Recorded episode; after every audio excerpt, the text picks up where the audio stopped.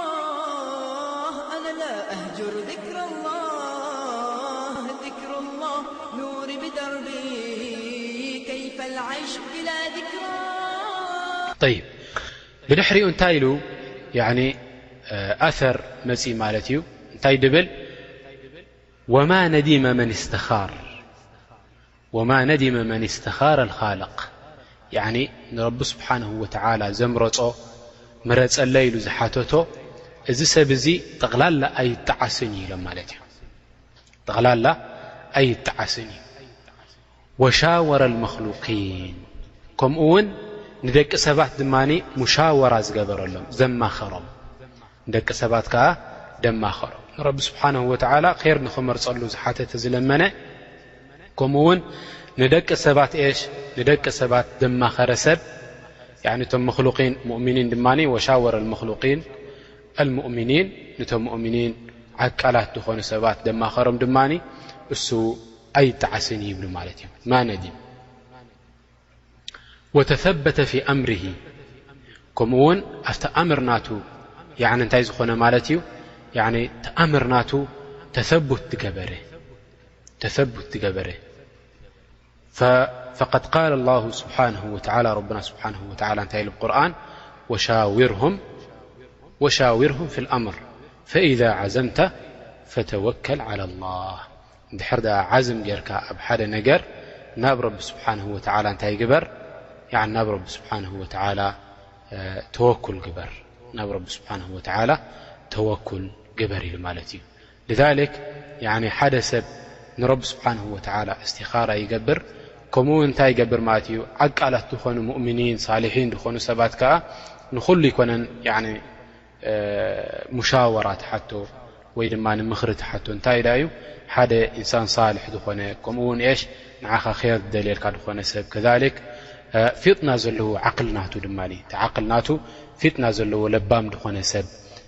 ፈላጥ ዝኾነ ሰብ ንዕኡ ከተማኽር ይግብኣካ ንምንታይ ንሱ ምእንቲ ብዓጢፍያ ደይኮነ ራህሪሁልካ ንዓኻ ደይኮነ ወይ ድማ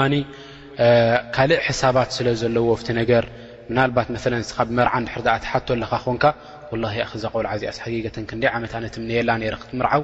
ማዳም ከምዚ ኢሉ መፅእኒ እዚ እንታይ ክገብር ኣለኒ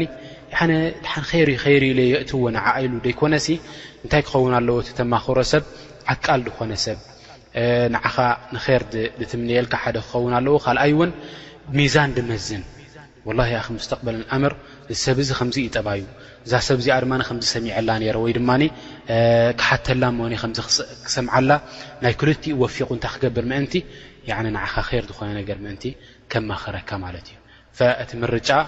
ናብ መን ወይ ድማ እቲ እስቲኻራ ናብ ረቢ ስብሓን ወተዓላ ይኸውን እቲ ምኽሪ ድማ ናብቶም ዓቃላት ሙእምኒን ሳልሒን ዝኾኑ ሰባት ናብኣቶም ይኸውን ማለት እዩ ናብኣቶም ይኸውን ማለት እዩ ይ ብድሕሪ እዚ እንታይ ንጠቅስ እስቲኻራ ምስ ገበረኸ እንታይ እዩ ዝገብር ሰብ እዚ እስቲኻራ ምስ ገበረ እንታይ ይገብር ኣየነይተን እዩ ክመርጽ እንታይ እዩ ድመጾ ሕልሚ ድዩ ድርኢ ወላስ ዘረባ ድዩ ድሰምዕ እዚኣ ትሕሸካ ድብል ወላስ ልቡ ድያ ናብ ሓንቲ እየን ትዝምብል እንታይ ይብሉ ኣህሊ ልዕልም ኣማ ሕልሚ ገለ ምርኣይ እዚታት እየሽ እዚታት ትኽክል ኣይኮነን ያኒ ሕልሚ እየ ዝርኢ ሽዑ እስቲኻራ ምስ ገበርካ ትድቅስ ዳሕራይ ምስ ደቀስካ ምእንቲ እንታይ ክትርኢ ያኒ ሕልሚ ክትርኢ እታ ኼር ዝኾነት ናትካ ብሕልሚ ክትርኢ እያ ብድሕሪኡ እታ ዝረኣኻያ ብሕልምኻ ክትገብራ ላእ እዚ ሰሒሕ ኣይኮነን ከዛሊካ ድምጺ ክትሰምዕ እዚ ግበር ዝብል ዘረባ ገለ ክትሰምዕ እዚ ከዛሊካ ኤሽ ሰሒሕ ኣይኮነን ከምኡ ውን እታ ልብኻ ዝዘንበለቶ ምግባር ኣህሊ ልዕልሚ እንታይ ኢሎም እታ ነብሱ እንታይ ክገብር ኣለዎ እታ ነብሱ ክገድፍ ኣለዎ እንድሕር ኣ ነብሱ ናብ ሓንቲ ዘንቢላ ኮይና ናብ ሓንቲ ዘንቢላ እንድሕር ኣ ኮይና እቲ ስቲኻራ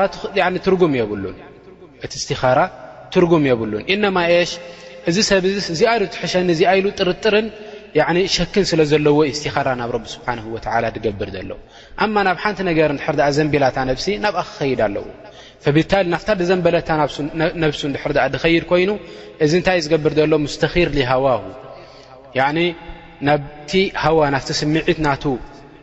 ድመረጸትሉ ናብኡ እዩ ዝኸይድ ዘሎ ዝሰብ እዚ ማለት እዩ። እነማ እንታይ ክገብር ኣለዎ እስቲኻራ ምስ ገበረ ብድሕሪኡ ድገበራ ነገር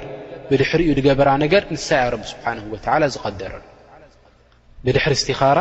የትርክ ኣምረሁ ሊላሂ ስብሓነሁ ወተዓላ ረቢ ስብሓነሁ ወተዓላ እታ ዝደልያ ንሱ እታ ዝመረፀሉ ንዕኡ ኼር ዝኾነት ነገር ናብኣ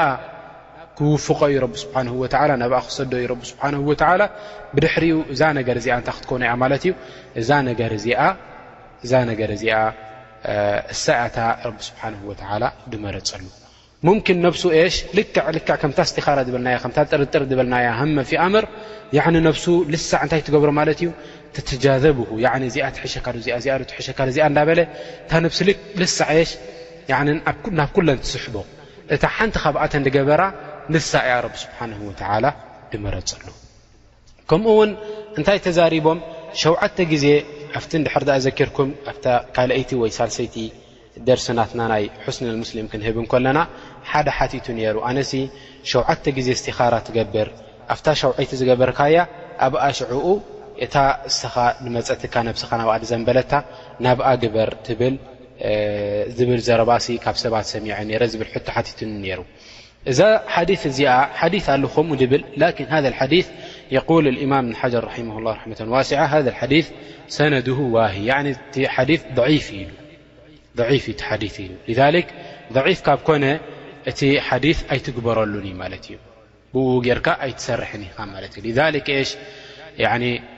ሸውዓተ ግዜ ጌርካ ናብታ